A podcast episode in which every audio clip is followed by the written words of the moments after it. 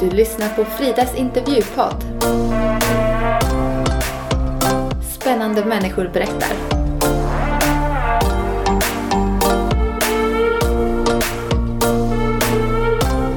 I höstens första avsnitt ska ni få träffa Tommy. Han har hunnit med mycket spännande under åren och har arbetat på sjön med glass, tidningar, journalistik, som ombudsman och you name it. Vi pratar idag om politik, objektiv nyhetsrapportering och att förhålla sig kritiskt till mediekanaler. Tommy råkar också vara min gamla lärare i mediekommunikation och nu ska jag sättas på prov att få intervjua honom. Det första offret i krig, vet vad det är? Det är sanningen. Det är ett gammalt journalistiskt uttryck. Vem är det som styr? Jo, de som är inblandade olika sidorna. Va? Problemet i det här kriget, vad får du fram ifrån en objektiv bedömning? Det får du inte fram. va. Ukraina har ju sitt va, och där är det mer öppet, där kan journalisterna röra sig. Men hur många journalister kan röra sig fritt i Ryssland? Och objektivt intervjua människor som är emot kriget och som bor i Ryssland. Då sitter jag här med Tommy. Hej Tommy! Hallå? Du har ju lärt mig allt om intervjuteknik. ja, det vet jag inte om det är allt. Nej, nej. Vi får, väl, vi får väl se nu hur du tycker att jag sköter mig med min intervju här med dig. Jag är helt övertygad om att det här blir jättebra. Ja. Jag måste säga att det är väldigt roligt att sitta här med dig. Efter 13 år har jag räknat ut senast vi sågs. Mm, du ser vad åren går. Ja. Vi får ju se, både du och jag har ju lite dåligt minne så vi får ju se hur vi... vi får påminna varandra. Precis, det är faktiskt väldigt bra. Vad jag vet så är du 77 år idag. Ja, fyllde den 6 juni. Grattis! Det är därför de hissar flaggan. Just det, det är bara för Tommy liksom. Har du något favoritminne från någon födelsedag du minns särskilt? Ja, när jag fyllde 50 då, just då bodde jag uppe i Ludvika. Och då hade jag, hyrde jag Gammelgården där och hade bluesband och alla mina barn och ja, jag hade, jag hade ju inga barnbarn då men eh, min före detta fru var, var med och jag är nämligen skild va. Men vi har bra kontakt och det är viktigt och hon var med och, eh, och barna och eh, massor med kompisar nästan 200 personer. Va? Oj, oj, oj. Mat och fest och det var väldigt trevligt och mycket presenter var det. Det låter som en, eh, en bra 50 En annan fest som jag tyckte var, det hade jag den här lägenheten, en tvåa. Mm. När jag fyllde 70. Då hjälpte barnen mig och de fixade maten och alltihop. Vad skönt. Och det var jätteroligt. Och det var, det, det var ju soligt och fint. Det är alltid fint väder den 6 juni. Du har beställt det? Så vi liksom. hade bordet ute på altan här och i stora rummet. Så det var jättekul. Härligt Tommy. Ja. Och du har ju många barn men ännu fler barnbarn. Hur många barnbarn har Sju du? stycken. Sju stycken. Ja. Träffas ni någon gång allihopa? Ja, det blir ju inte så va. Eh, därför att eh, jag har en liten lägenhet sådär, Mm, och, och det är så att både barn och barnbarn, de har sina egna liv. Ja. Och jag är noga med att inte liksom, eh, vad ska jag säga, pracka på dem mig och min. Va? De ringer ofta och vi har kontakter på födelsedagar och sånt där. Mm. Så jag har mycket nära kontakt med både barnbarn och framförallt mina barn. Alltså. Men om vi går tillbaks till dig Tommy. Eh, hur var det att växa upp som Tommy? Hade fem syskon, egentligen sex. Och det var min äldsta syrra, men hon dog när hon var 13 år. Kom ihåg henne, ja, sådär på dag, jag kanske var två, tre år någonting då. Ringmor hette hon som gick bort. Och eh, sen hade en, en syrra som tyvärr också bort. Bodde granne med mig här borta. Då fick jag hjärtinfarkt vid eh, busshållplatsen här nere, tragiskt. Och min bror gick bort för en fem, sex år sedan. Så nu är vi tre syskon kvar. Mamma och pappa är döda sedan flera år. Och, eh, och eh, jag är äldst. Så jag har en syrra som är ett år yngre än mig och en syrra som är tre år yngre än mig. Visst är det härligt att vara äldst? Det tycker jag i alla fall. Alltså det är märkligt det här med, med åldern. Jag måste säga det. Det är att eh, på de flesta arbetsplatser har jag nästan varit yngst. Men när jag jobbade på Kopparnungsgymnasiet där jag träffade dig bland annat. Så var jag den äldsta. Ja. ja, men du var den bästa Tommy. nu kanske jag inte får säga så här offentligt, men jag, jag uppskattar verkligen dig som lärare och det är därför jag också vill intervjua dig för att du har så mycket kunskap och är engagerad och du brinner ju för det du har lärt ut. Och det tycker jag är de bästa lärarna, eh, när man brinner för det man faktiskt mm. lär ut. Ja, det var roligt att höra. Ja. Men jag blir så nyfiken också, eh, hur kom du in i medievärlden från första början? Ja, man brukar populärt säga, för att göra en lång historia kort, va, så jag har haft en massa jobb. Va. Eh, allt ifrån sjöman till lagerarbetare, transportarbete, kör, kört glass på glassbolaget, Jaha. jobbat på Pressbyrån, kört ut tidningar. Mm. Eh, jag var på sjön i sex månader, sen orkade jag inte längre. det var för hårt. Och, och sen så närmaste media jag kom, så ett minne va, det är att när jag slutade skolan, jag gick åtta år i skolan och då bodde vi i Köping. Eh, jag är född i Västerås eh, på Falkvägen 8 6 juni 1945. Mm. Men eh, min pappa köpte ett företag. Han var plåtlagare så han flyttade vi när startade företaget i Köping. Och sen här, sista årskursen, då gick man åtta år i skolan. Va? Eh, så hade jag ju inget jobb och jag var inte intresserad av att plugga vidare. Men då fick jag ett, eh, ett sommarjobb på en radio och tv-affär. Va? Och sälja lite musikinstrument och sånt där. Och det kommer jag ihåg, det var ett av min... Det var liksom, då vart jag intresserad av radio och tv lite grann. Det var ju liksom väldigt nytt. Va? Mm. Vad spännande att ett sommarjobb då, det kan ju leda till mycket. Absolut. va. Jag hade en massa småjobb och sånt där och, och sen så var jag, jobbade jag på inom metallindustri. Mm. Som, eh, och det här är rätt kul va. Jobbade som industrilackerare. Och då ska du veta att jag är, har defekt färgsinne. Jaha. Men det gick bra ändå därför att alla färger som man skulle, man gjorde utav korrigerad plåt, hus och man gjorde bland annat försvaret och sånt där. Och då tänkte jag, hur ska jag kunna blanda de här färgerna? Jag fick hoppa in och hjälpa till, hans var ordinarie. Mm. Och, och, det var rätt intressant. Inga problem Lindvall. Det står ett eh, nummer va? Ett färgnummer och så vidare. Så, att det så alltså, du behövde inte blanda i något? Jag ser ju skillnad på vitt och svart och ja. eh, sådana här mörkblått och svart har jag svårt att skilja ja, på. Exempel. Ja. Mm. Och då var jag fackligt engagerad. Va? Och redan då var jag med i SSU, Socialdemokratiska ungdomsförbundet i Västerås.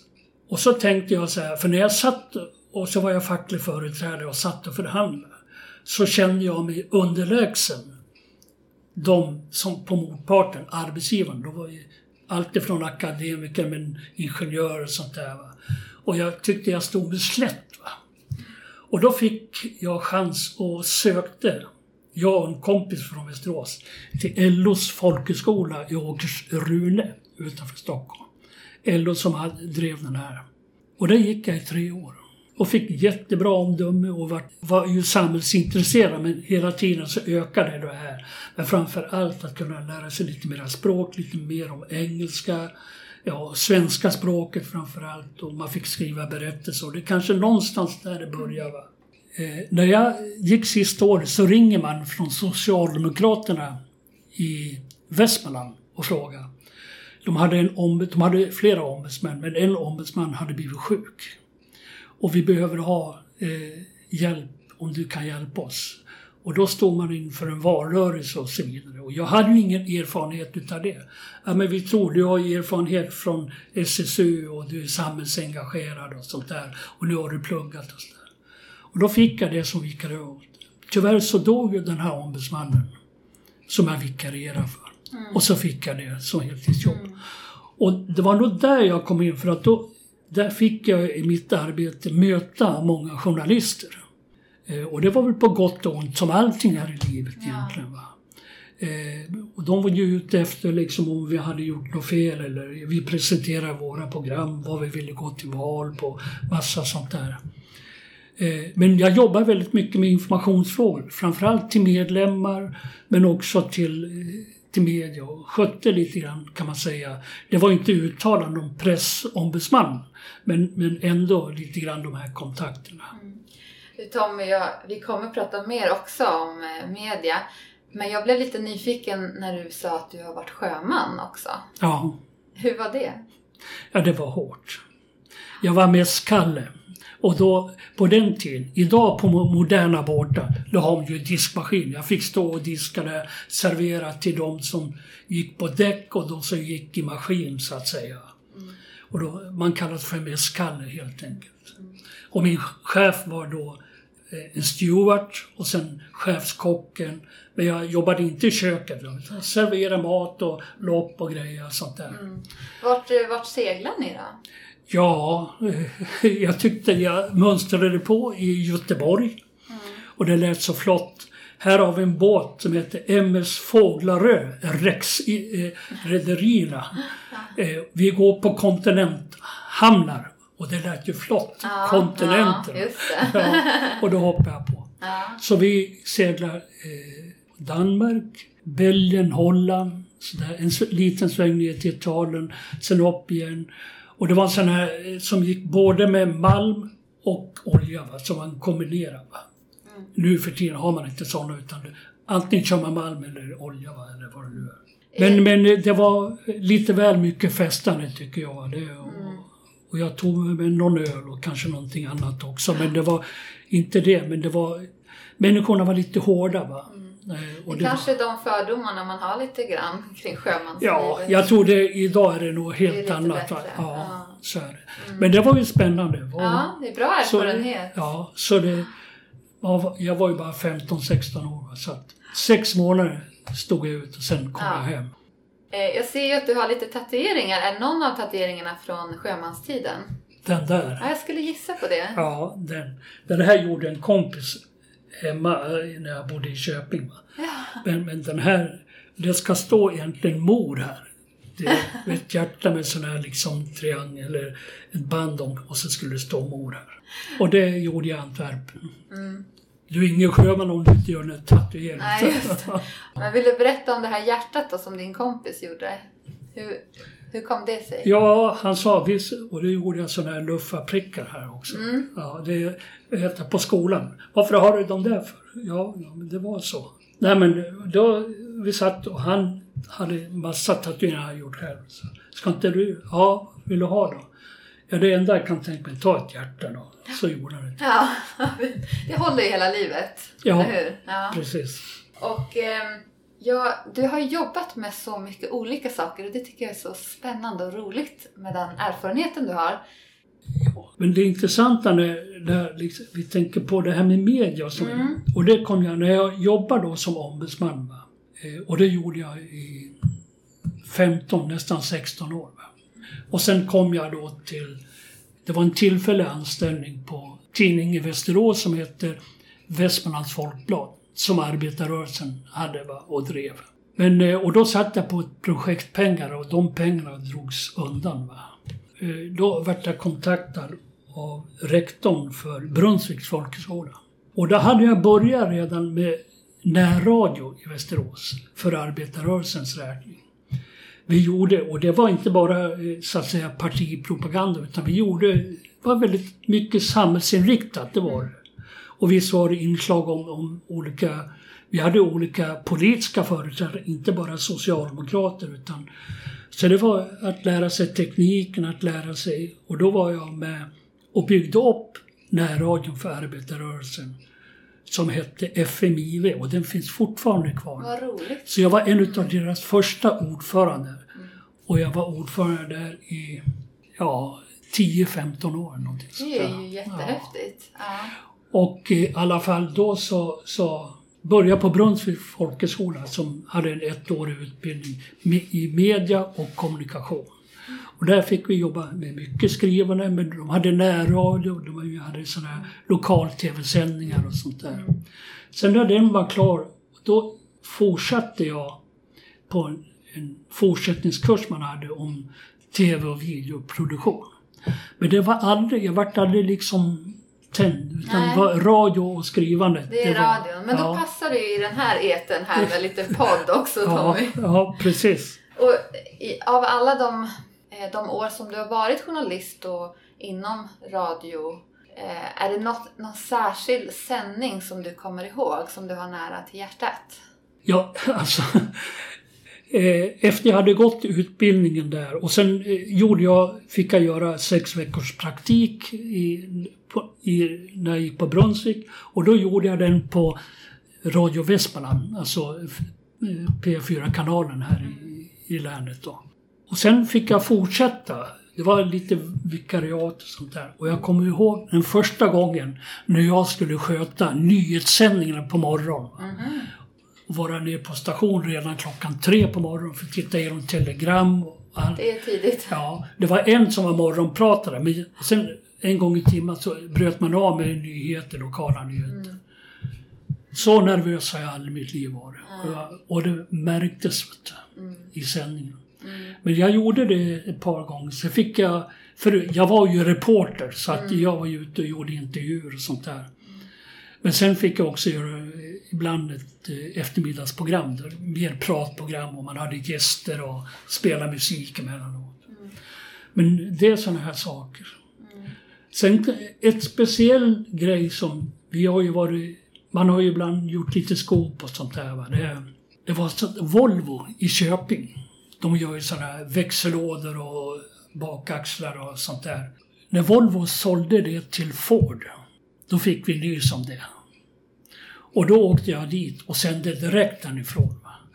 Och problemet var, jag fick inte tag i företagsledningen. Men sen såg jag att folk gick ut från en dörr och så vidare. Det visade sig vara matsalen och jag fick ju inte tag i några hans. Men då gick jag in dit va. Smög in där och fick tag i några som satt och käkade lunch. Va? Och i direktsändning kopplade upp mig direkt mot studion och så fick jag prata med två stycken anställda och de var ju väldigt besvikna och ledsna att bli såld till ett amerikanskt företag. Det var sån här, det var ju jättebra va. Men då var du ändå på och gick in där och liksom... Ja, ja, precis. Det gäller ju, som journalist måste du, du söker upp nyheter. Du får tips va? och sen utvecklar man det till att bli lyssnarvärt också. Och det måste vara nyhetsinriktat. Va? Det måste vara något nytt. Och det måste engagera människor och beröra människor. Och det var väldigt intressant. Va? Vad jag minns också av eh, din undervisning är ju också att du pratar om objektiv, att vara objektiv som journalist. Ja, det måste man vara. Vad säger du kring det idag? Är journalister objektiva när du lyssnar på nyheter idag och så? Vad tycker du om, om det? Man ska försöka vara objektiv. Och det kan man göra då genom att ställa de här frågorna utifrån en speciell händelse. Det jag funderar ibland över, det är det att framförallt i TV så har man alltid någon annan journalist som kan sitta och kommentera. Det kan vara riksdagsdebatt, det kan vara nu senast var, eh, den här eh, omröstningen om, om eh, Morgan Johansson så ska någon annan journalist sitta och bedöma det här va, på något sätt. Och det, ibland, då, många gör det jättebra, det är inte det, men ibland så är det, undrar vilken ställning de tar. Det är inte bara det eh, Morgan Johansson-fallet, utan det finns andra fall också. Va?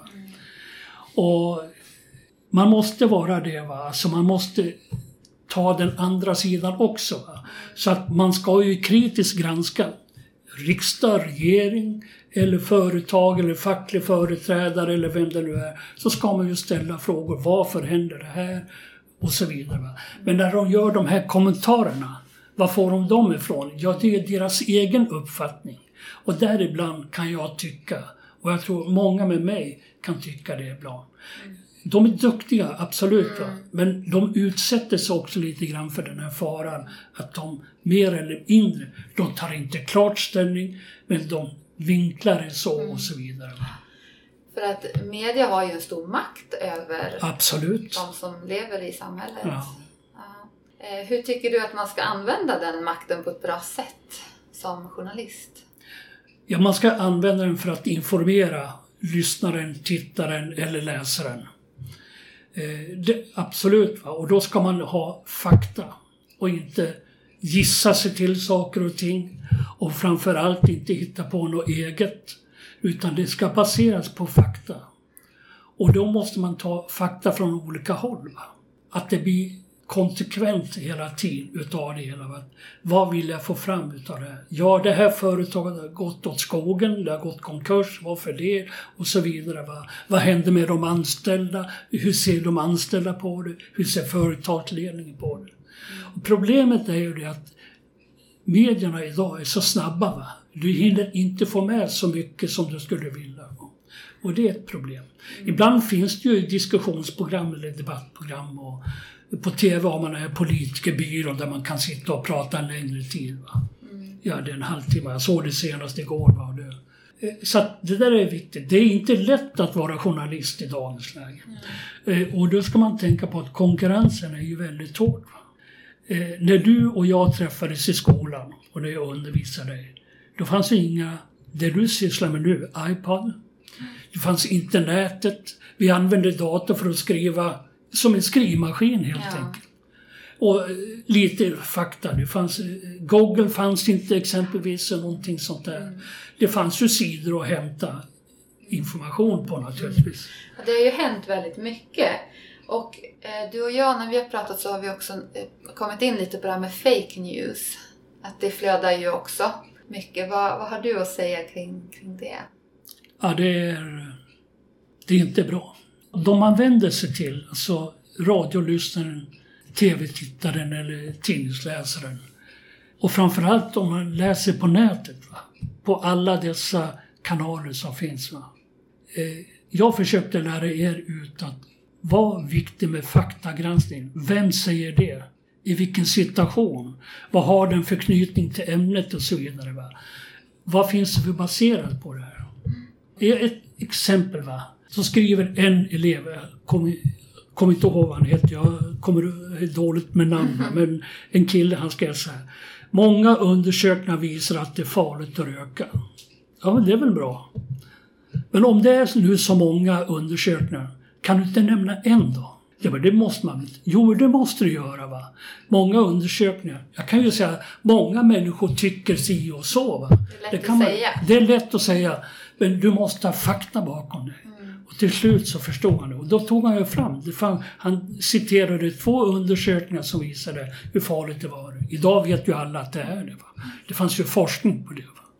Jag tänker också nu i och med kriget i Ukraina så, eh, vad jag kommer ihåg så, eh, det klingar, dina ord, eh, att särskilt i liksom krigssituationer och så, så behöver man vara extra noggrann med att vara kritiskt granskande kring de nyheterna som sänds. Det första offret i krig, vet du vad det är? Det är sanningen. Mm. Det är ett gammalt journalistiskt uttryck. För så är det. Vem är det som styr? Jo, de som är inblandade olika sidorna. Va? Problemet i det här kriget, vad får du fram ifrån en objektiv bedömning? Det får du inte fram. va. Ukraina har ju sett va, och där är det mer öppet, där kan journalisterna röra sig. Men hur många journalister kan röra sig fritt i Ryssland och objektivt intervjua människor som är emot kriget och som bor i Ryssland. Nej. Nej. That's it. Mm. mm, that's it. Det var ett väldigt bra citat som säger ganska mycket. Ja, mm. verkligen. Du pratade ju mycket om etik med oss också. Mm. Tycker du att det är mer aktuellt med att prata kring etik i journalistik idag eller mindre? Absolut. Varför det? Jo, därför att det finns så många informationskällor idag. Va? Det är svårt för en vanlig medborgare, en eh, kons mediakonsument, att avgöra vad är rätt. Va? Och därför är det viktigt att du som journalist, antingen du jobbar med en podd eller du jobbar på en tidning eller radio eller TV, också säger det. Och att redaktionsledningen håller koll på det. Va? Det är väldigt viktigt. Vad har vi för källor? Vilka är de trovärdiga? Så vidare. Man brukar prata om två av varandra oberoende källor. Måste du ha för att... Och det, det är svårt alltid. Man får fram en källa. Finns det någon som stöder det här? Ja, då får man tips om någon annan. Ja, den bekräftar att så här är det. Va? Och då kan man börja lyfta det. Va? med två av varandra oberoende källor. Det är väldigt viktigt. Gärna fler om man har. Etiken måste du hålla och moral. Därför att om du inte följer de etiska reglerna. Det finns ju etiska regler. Det är ingen lagstiftning. Där har vi tryckfrihetsförordningen, yttrandefrihetsgrundlagen som du måste ha respekt för. Och det tjatar jag mycket med mina elever. Ja. Lär dem. Va? Och du brukar fråga så här, hur många grundlagar har vi? Oj, nu, nu sätter du mig ja. mot väggen här. Fyra stycken, ja. Tryckfrihetsförordningen som Sverige har, mm. den ska vi slå vakt om. Mm. Det är den äldsta i hela världen. Och det ska vi vara stolta över. Mm. Och sen yttrandefrihetsgrundlagen. Sen har du regeringsformen. Och sen har du successionsordningen. Det är våra fyra grundlagar. Mm. Jag kommer ihåg att du pratade mycket om yttrandefriheten med oss. Eh, och det är ju något som jag värdesätter så mycket i Sverige, att vi har yttrandefrihet. Men jag kan uppleva personligen att den är lite hotad ibland. Vad säger du kring det? Mm. Om man missbrukar, missbrukar yttrandefriheten, då kan det bli ett gissel naturligtvis.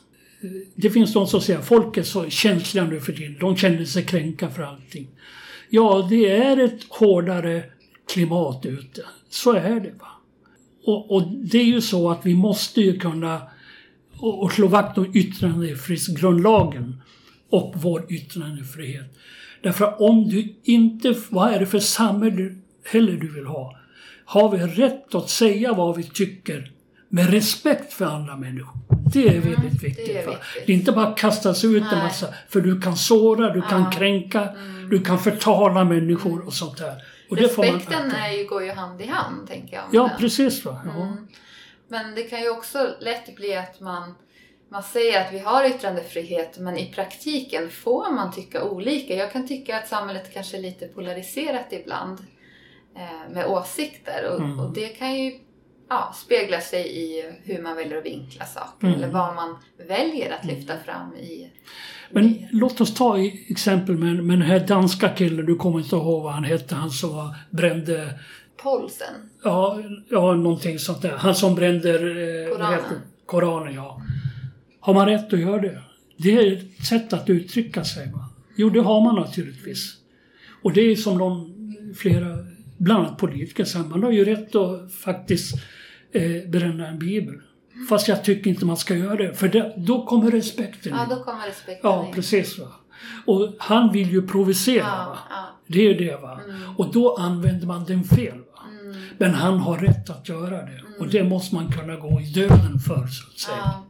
Missbrukar man det här, då tappar man ju med respekt. Då börjar man, ja men vi måste strama åt det här och så vidare. Ja men det är fel väg. Det bättre är att jobba, att upplysa människor vad du har för möjligheter och så vidare. Va? Och man kan alltså gärna jämföra med andra länder. Vi tog Ryssland här som ett exempel. Det finns andra nationer, både i Afrika, eh, USA. Tycker man, där får ju folk säga vad de vill. Och ibland går det till, till åt fel håll va? naturligtvis. Men då måste man alltid ha den här diskussionen och det tror jag man har på eh, mediaredaktioner. Va? Så man diskuterar ju allt det, vad är det man ska släppa fram och så vidare. Men just det här med frihet, att kunna få uttrycka sina känslor, sin, sina åsikter, det är mm. otroligt mm, viktigt. Ja. Och eh, på tal om samhällsfrågor och så, så har ju du varit väldigt engagerad även i politik. Om du skulle bli statsminister för en dag, vilken hjärtefråga skulle du driva? Ja, det finns ju många frågor men eh, jämlikhet och jämställdhet är väldigt viktigt. Och det gäller allt ifrån, ifrån utbildning, att kunna få ett jobb. Ett jobb är otroligt viktigt. Va? Människor som inte har ett arbete att gå till. Och framförallt en familj där det, låt oss säga att båda är arbetslösa. Det har ett socialt engagemang. En, jag betyder någonting i det lilla företaget, det stora företaget. Jag får också ett visst engagemang i samhället därför att jag är med och bidrar till samhällsutveckling.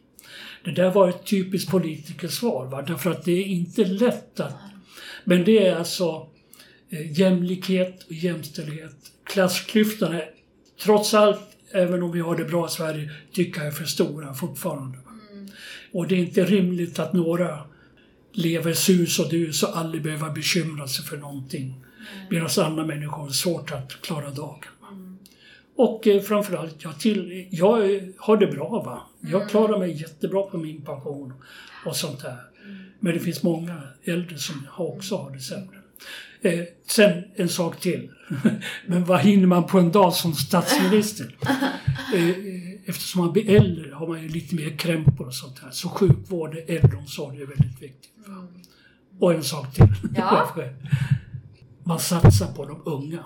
Mina barn och mina barnbarn är ju framtiden. Va? Jag vill att deras framtid. Så lyssna på de unga. Och eh, på tal om pension så har ju du varit pensionär i 12 år. Mm. Hur var det att gå från att ha arbetat i alla år till att plötsligt vara pensionär? Och det ska jag säga det, det var en befrielse. Men alltså med två sidor, om man får säga det. Ja. Jag har hela mitt vuxna liv jobbat och slitit. Va? När jag jobbade på Kopparnons gymnasiet så förutom att jag var lärare där med all förberedelse, jobba hemma på helgen med rättningar, med förberedda lektioner. Så jobbade jag också och gjorde egna radioprogram på närradion, var ordförande i en närradioförening. Var ute och föreläste var och varannan helg på eh, handikappsorganisationer i, inom eh, olika folkrörelser. Det var fackföreningsrörelsen. Det var ABF hade olika utbildningar. Bostadsrättsföreningar var jag och pratade om hur man jobbar med i styrelsearbete och sådana saker. Och det hade jag, har jag haft med mig va, i många år. Va. Och jag kommer så väl ihåg, ibland kunde jag känna det. Jag kunde cykla från Kopparlundsgymnasiet klockan 10 på kvällen. Och man såg alla andra satt hemma och tittade på TV med Ja. en annan hemåtrå. Men när jag gick i pension, jag kände ingen vånda för det, tvärtom. Ta bara det saken. Att slippa gå upp kvart över sex varje morgon. Ja, väldigt skönt. Visst är det. Och jag kan gå och lägga mig när jag vill. För att vad ska du göra imorgon? Som ikväll. Jag kan, det är fotboll sent ikväll. Sverige spelar fotbollsmatch mot... Eh, vilka var nu? Ja. Och dess äldre du blir så känner du att du var ju sliten. Eh, och jag menar, då ska du veta när jag jobbade som ombudsman då. eh, Var gift och hade fyra barn. Va? Det var inte lätt att vara gift med mig. Och vi hade ju hus och sånt där. Va? Så fort man kom hem så var det alltid någonting på huset, i trädgården och så vidare. Va? Och jag har alltid tyckt om att laga mat och så jag ställde upp och, och försökte sköta barnen. Det jag kan då sakna, det, det är det att jag, jag har dåligt, och det har jag berättat för mina barn nu, väldigt dåligt samvete för jag har nog inte varit världens mest närvarande pappa i alla fall. Men jag har försökt ta igen så mycket som möjligt Ja. på det. Och vi kommer jättebra överens så det är bra. Mm. Visst Vad kan- fint att du har så fin relation med dem idag. Ja, det är jättebra. Ja, ja. Och det betyder mycket. Då är det lätt att åldras också. Mm, precis. Ja. Och så Eh, kanske man vä- värdesätter lite andra saker när man blir äldre, eller stämmer det? Ja, det stämmer det. Ja. Lugn och ro. Ja, ja. Jo men det är så. Jag menar man tänker på när man jobbar. Man åkte tidigt på morgonen, man kom hem sent. Men tänk vad man fick uppleva under dagarna och jag menar träffa er elever. Det, och det är det bästa jobb jag har haft. Att vara lärare på Kopparlunds Oj, gymnasium. vad roligt. Ja, det var det bästa jobbet jag har. Likadant på folkhögskolan, det var också jätte... Men jag vill bara säga stort tack till dig som har slitit och jobbat och åkt hem, cyklat hem klockan 10 från eh, mitt gamla gymnasium och kanske rättat eh, lite ena och det andra. Eh, det ger ju resultat. Jag har fortfarande ett medieintresse tack vare dig. Mm. Så, Fortsätt med det. mm. Och eh, vi pratar lite om lärdomar och sådär genom livet också. Nu när vi går till slutet av intervjun här. Vad skulle du säga att du har för lärdomar genom livet? Jag ställer en stor öppen fråga till dig. Det kan handla om media eller personligt. Ja, det är ju en väldigt eh, stor fråga. Ja, det är en jättestor är fråga. Ja. ja, på något sätt så allting ordnar sig till slut. Va? Jag har ju haft eh, ja, tragedier i en familj där folk har gått bort och sådär. Och, och, men om man, om man liksom eh, om man känner ödmjukhet inför livet, att ta till sig kunskaper hur gammal du än blir. Va? Och lyssna på människor. Och prata. Det tror jag vi gör lite för lite med. Att prata med varandra. Min mamma hon sa en gång så här. Tommy, hur illa det än är, berätta alltid sanningen. För sanningen vinner jämt. Oj, vad bra. Ha kontakt med varandra och lyssna på varandra. Och gör det med lagoma portioner, så att säga. Därför att när man blir äldre och man har sina barn och barnbarn, de måste leva sitt eget liv och de så långt det är möjligt ta ansvar för sitt. Men ibland behöver de ha en stöttning från någon som har varit med. Inte bara för att vi har blodsband så att säga och är släkt och, så vidare, utan för att de behöver ha en stöttning. Och de ger mig också det. Mm. För ibland när man blir äldre så blir det, börjar man fundera vad jag har gjort av mitt liv och så vidare. va. Och sen vad har många år har jag kvar och sånt där. Men att lyssna på varandra, prata med varandra och håll kontakten. Och jag brukar säga, ni behöver inte ringa varje dag, men någon gång då och då. Ja. Om inte annars så ringer jag. Ja, precis. det var fina slutord Tommy och att allting ordnar sig till slut. För det mesta. För det mesta ja. Ja. och annars på ett eller annat sätt. ja. Men är det något annat, om du har något sista ord som du skulle vilja säga till lyssnarna som har lyssnat på din berättelse? Ja, det, hoppas att ni har att det kan ha gett er någonting, en, en lite äldre mans historia. Vi skulle kunna göra en timme till Ja, fortsätter. absolut. Lyssna gärna på den här podden. Den är värd att lyssna på och ta till er det. Och kritiskt granska. Yes. Det var bra. Tusen tack Tommy för att du bjöd hem mig hit på fika också. Mm. Och tusen tack för allt som du har delat. Tack!